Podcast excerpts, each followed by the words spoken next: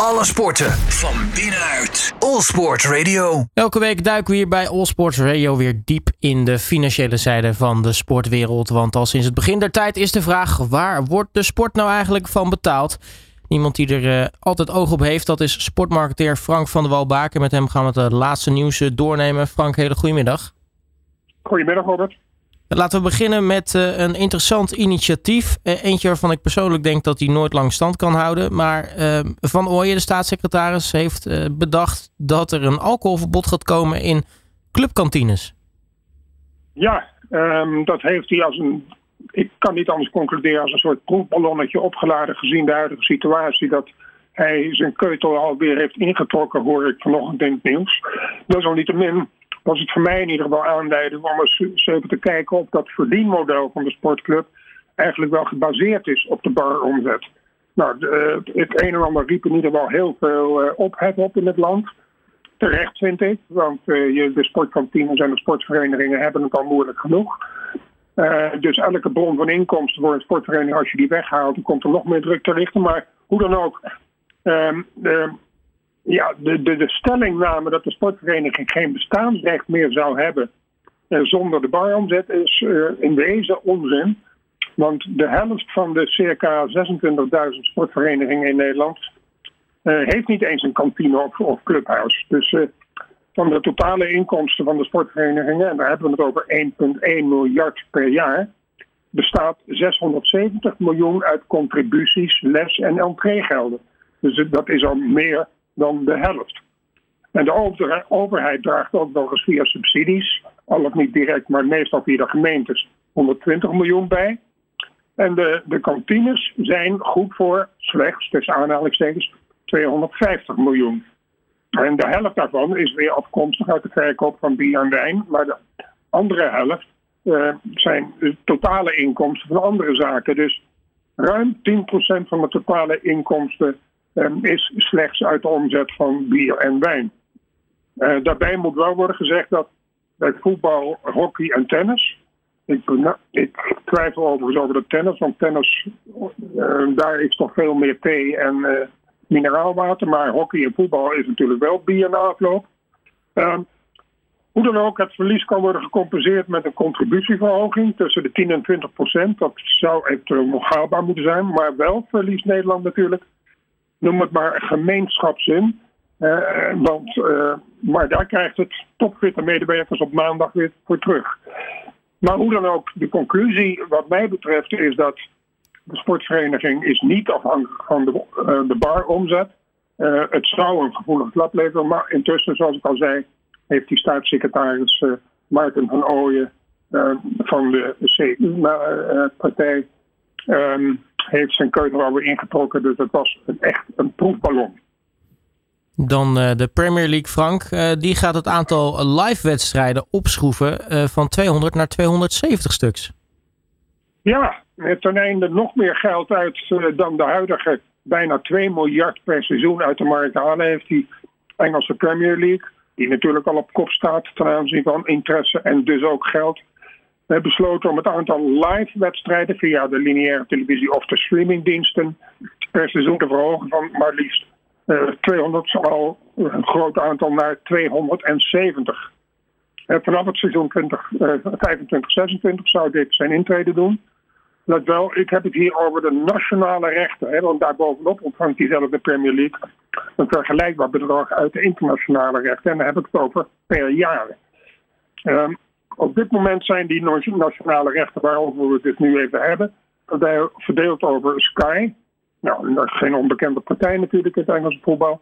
TNT Sports, dat is de nieuwe naam van BT Sports. Dat is overgenomen door TNT. En Amazon Prime. En de Premier League verwacht met deze nieuwe aanpak, en daar zullen ze ongetwijfeld een huiswerk voor gemaakt hebben, meer partijen uit de hoek van met name de streamingdiensten aan te trekken.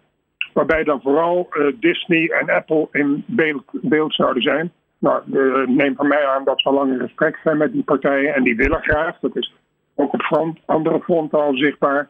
Die willen graag hoe langer hoe meer ook sport naar zich toe trekken. Nu weten we dat het uh, Duitse voetbal financieel heel gezond is over het algemeen. Hè? Weinig schulden daar te vinden. Clubs zijn behoorlijk vermogend. En nu heeft uh, Bayern München iets gedaan wat je nou ja, eigenlijk technisch gezien alleen maar kan doen als je ook nou ja, geen geldzorgen hebt. En dat is, ze hebben het contract wat ze hadden met Qatar Airways voor shirtsponsoring ontbonden nadat er vanuit de achterban nogal wat protesten kwamen. Ja, het is um, een, een, een, min of meer luxe positie natuurlijk waarin je verkeert. Want uh, het is nu eenmaal zo dat er zijn meer uh, vragers naar, uh, of meer, meer vragers naar sponsoring dan wat er sponsors zijn. Desalniettemin leven we in een wereld waarin je hoe langer hoe meer afvraagt, moet een club of een sport of een bond of een evenement wel in zee gaan met iedereen die maar met een zak met geld komt. Nou, Qatar Airways stond al jaren op het mouwtje van het shirt van Bayern München. Maar Bayern München heeft onder druk van de fans, die met name via social media zeer veel ja, minder goede, zeg ik het voorzichtig, geluiden lieten horen over dat sponsorschap van Qatar Airways, heeft Bayern München besloten die overeenkomst uh, te verbreken. Uh, dit nogmaals vanwege de reputatie van Qatar, uh, waar veel fans zich druk over maakten. Um, Qatar Airways stond al sinds 2018 op de mouwtjes. En leverde de club toch maar eventjes 20 miljoen per seizoen op. Dat is nogal een bedrag wat je in één keer doorstreept per jaar. Maar naar mijn weten, maar dat weet ik, eh, de, de, de details zijn nog niet bekend. Het zou zomaar kunnen dat uh, Bayern München wel ander heeft. Maar ze zeggen dat ze dit nog niet hebben. En dat speelt natuurlijk wel in de kaart van een, een charme-offensief richting de fans. Uh, zoals bekend heeft de club al tientallen jaren het T-Mobile als hoofdsponsor op de voorkant van het shirt staan. Hetgeen de club naar verluidt 45 miljoen per seizoen oplevert. Uh, ik ben benieuwd hoe snel ze nu komen met een nieuwe mouwsponsor. Want nogmaals, zoals ik net al zei, ik vermoed dat ze die al lang hebben. En ik gok daarnaast dat uh, nou ja, naast het verlies van die 20 miljoen per seizoen... ze toch ook wel een, een boeteafdracht moeten doen aan het voortijdig beëindigen van zo'n contract. Ja, tenzij ze een clausule in het contract hebben staan dat de, het sponsorschap te veel commotie oplevert die de, de reputatie van de club uh, zouden kunnen aantasten. Dat soort clausules in sponsorcontracten zijn vandaag de dag niet vreemd. En de, de, ja, de grondigheid van de Duitse clubs, en zeker van Bayern München, uh, erkennen, zou, zou het me niet verbazen als ze een dergelijke clausule in het contract hebben staan. Dus uh, ja, Duitse voetbal is gezond, zoals je zelf al zei, Robert. En die zijn voorzichtiger dan uh, de meeste andere landen in het aantrekken van sponsors en in het behandelen van de financiële huishouding. Dus uh, ik vind dit wel een mooi voorbeeld. En ik verwacht eigenlijk dat uh, de hele sportwereld in de nabije toekomst, en zeker in de verre toekomst, hoe langer ook kritischer gaat lopen zijn, mede onder druk van de fans, over het aantrekken van welke sponsors wel en welke sponsors niet. Over eh, sponsors gesproken. Gokbedrijven eh, blijven altijd nog altijd actief in, eh, de sport. Ondanks nou ja, toch dat, dat soort van zwaard van Damocles wat boven het hele concept hangt. Want ja, erg lang gaat het niet duren voordat we gokbedrijven niet meer terug gaan vinden in de sportsponsoring. Nee, je hebt hartstikke gelijk. Intussen vieren die gokbedrijven nog steeds feest, zolang het kan. Uh, in het betaalde voetbal. In ons land tekende een, een gokbedrijf als nieuwe shirtsponsor van het naar de Eredivisie gepromoveerde Almere City. En in de Premier League tekende Fulham en Burnley met respectievelijk SBO Top, dat hebben we nooit gehoord, maar dat is ook weer een gokbedrijf. En W88, die we wel kennen uit het voetbal ook. Beide naar verluid voor 10 miljoen pond, Engelse pond, per seizoen.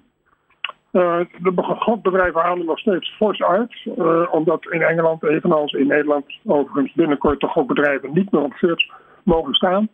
Uh, in Nederland is dat radicaal op het hele shirt. Maar in Engeland, vreemd genoeg en nogal hypocriet vind ik, mogen ze wel op de mouwtjes. Maar vooralsnog ook op de voorkant van het shirt. Um, dus daar zwabbert men ook in dit beleid.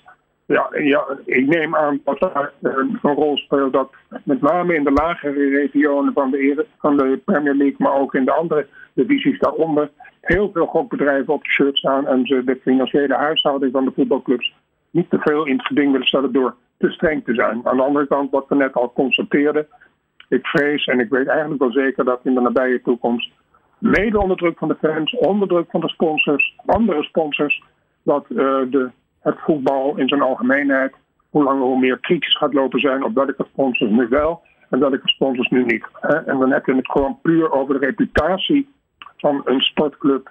en dan met name van het voetbal natuurlijk.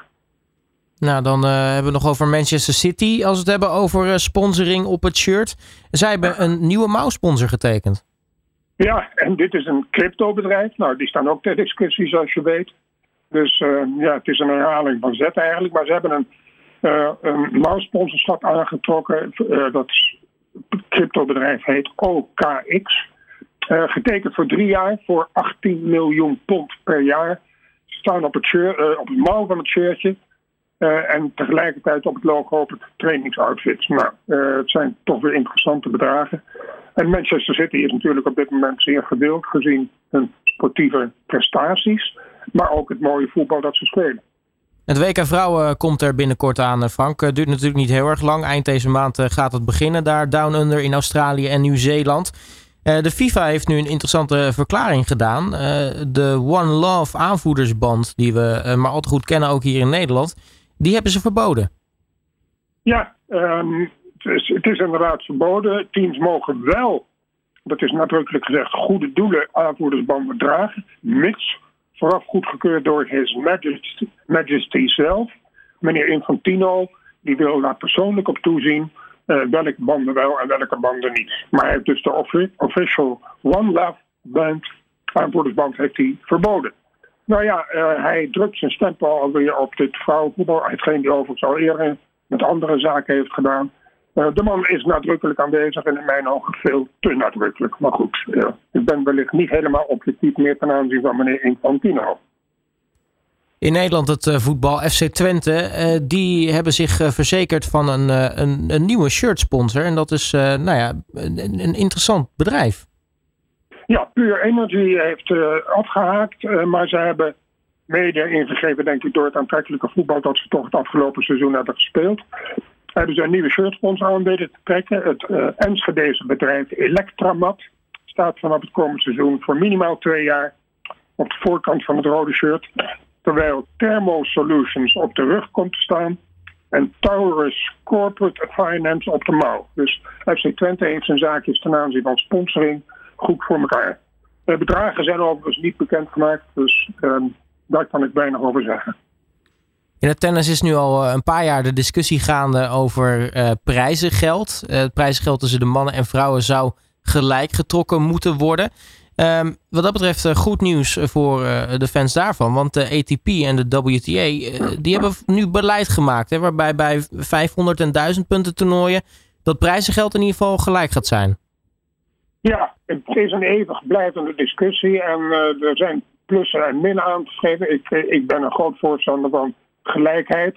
Ehm, maar uh, in het tennis met name heb je toch wel uh, harde feiten die je niet mag negeren als je het hebt over gelijkheid in prijzengeld. Want laten we wel zijn in de Grand Slams, hè, we hebben nu Wimbledon aan de gang, maar in de andere drie Grand Slams toernooien, Australië, Parijs en New York, um, daar spelen de mannen een vijfzetter en de vrouwen een driezetter. Dus de sportieve fysieke prestatie van de mannen is groter dan die van de vrouwen. En tegelijkertijd moeten we ook in rekening houden met het gegeven dat de mannenwedstrijden en zeker de mannenfinale uh, in, in de meeste gevallen vijf, zo'n tien keer zoveel wordt bekeken op de televisie en de andere uh, mediazenders. Uh, dan de vrouwen dan finale. Dus ik vind dat je dat soort factoren ook moet laten meewegen in de bepaling van prijzengeld. Maar goed, Um, desalniettemin is het streven om tot gelijke te komen, onderstreep ik volledig. Nou, de, de WTA, dat is de vakbond van vrouwentennis en de ATP van het mannentennis, die hebben nu een afspraak lopen dat ze uh, stap voor stap uh, in de 1000 punten en de 500 punten toernooien het prijzengeld gelijk gaan trekken. Dat geldt natuurlijk alleen voor de toernooien waarin ook de mannen en de vrouwen tegelijkertijd optreden. Tegelijkertijd zal het aantal uh, aantal toernooien per jaar uh, bij de vrouwen groeien naar 10. Waardoor ook daar een, veel van gelijkheid optreedt. Nou, dat vind ik een op zichzelf een goed streven. Het vrouwentennis is in veel gevallen vaak nog eens aantrekkelijker om te zien dan het mannentennis. omdat de rallies vaak langer zijn. en het gaat iets minder op pure kracht, maar ook op techniek en talent. Dus op zichzelf is het een goed streven. En dat gelukkig niet alleen in tennis gaande is, maar ook in andere sporten zien we dit streven van gelijkheid is een hoog punt op de agenda. Ondertussen lijkt de WTA trouwens ook te zwichten voor uh, Saoedi-Arabisch geld. Ja, kijk, enerzijds is de WTA hard op weg om naar gelijkheid te streven. Dus ja, de, de, zaken die in het huidige leven een rol spelen. Uh, aan de andere kant uh, speelt er een aanbod van het Saudi-Arabische PIF. dat staat voor het Public Investment Fund. Het valt onder de vleugels van de kroonprins Mohammed bin Salman zelf. En daar zit in die pot 600 miljard, ja, zeg het goed, 600 miljard dollar zit er in die pot. Um, er is een aanbod, ligt nu op tafel, om in Saudi-Arabië een vrouwentoernooi te gaan organiseren.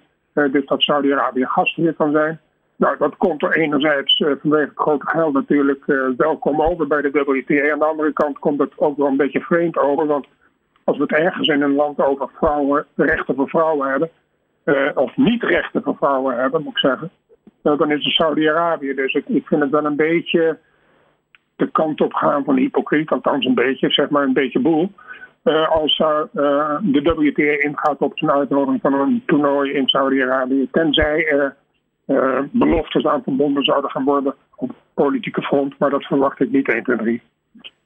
Als we nog even in het tennis blijven. momenteel ontkom je er natuurlijk niet aan. Wimbledon, nou ja, de, de gras Grand Slam van het jaar. Um, jij hebt de sponsoren van dat toernooi is onder het loep genomen. Ja, het is natuurlijk een beetje vergelijkbaar met de Olympische Spelen, hè, waarin er geen reclameborden langs de velden zien. Uh, het fenomeen, eigenlijk les, de les nummer 1 in het handboek marketing, koester schaarste. Wimbledon heeft daar een, eigenlijk een unique selling point van gemaakt, van weinig reclame, waardoor het, het centercourt en alle andere banen uh, schoon tussen aanhalingstekens zijn dan reclame. En dat heeft een bepaalde waarde, want de sponsors staan van Wimbledon in, de rij. Um, ik heb de sponsors van het, het legendarische gastoernooi nog eens op een rij gezet. Uh, de, meeste van deze, de meeste van deze sponsors zie je niet eens als je toeschouwer bent uh, in, op een van de banen op het centercourt of als je tv-kijker bent. Want de kracht van dit toernooi, zoals ik net al zei, is die schaarste. Geen of nauwelijks reclame nou, hoe mooi is dat eigenlijk? Uh, dat klinkt misschien vreemd op mijn mond. Maar het, het, geeft wel iets heel aparts, iets unieks, onderscheidends. En waardoor sponsors zich ja, bijna chic voelen als ze met uh, Wimbledon verbonden zijn. Nou, ik noem een paar sponsors om even als voorbeeld te dienen in dit verhaal.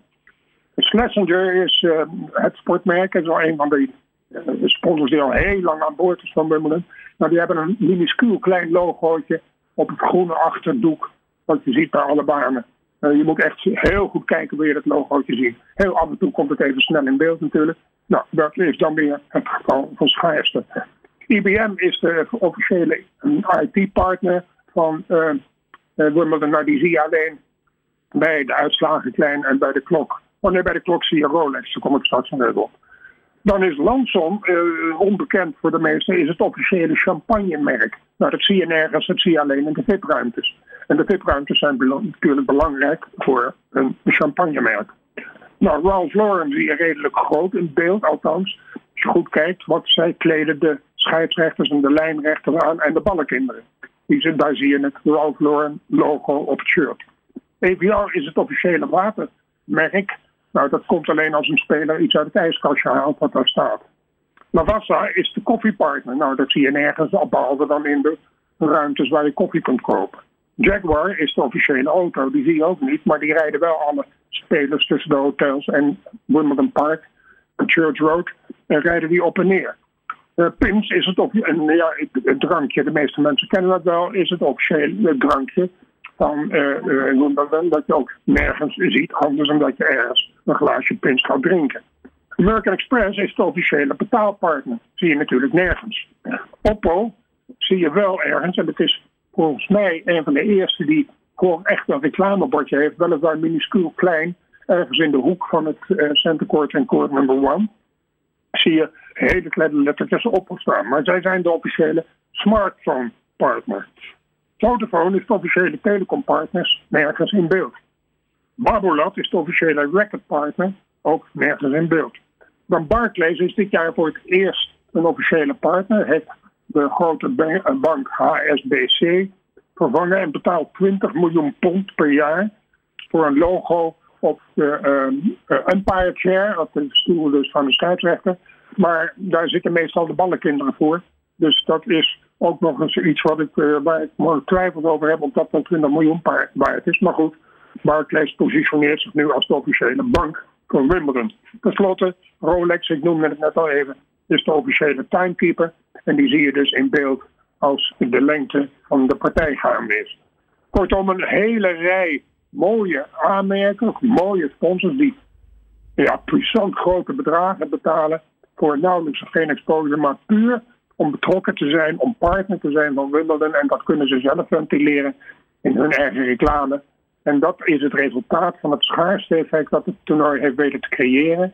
dat het eh, absoluut niet gaat om de kwantiteit, maar puur gaat om de kwaliteit. En dan uh, tenslotte Frank, uh, Formule 1 nieuws. Uh, Sportico die heeft namelijk de most valuable F1 teams op een rijtje gezet.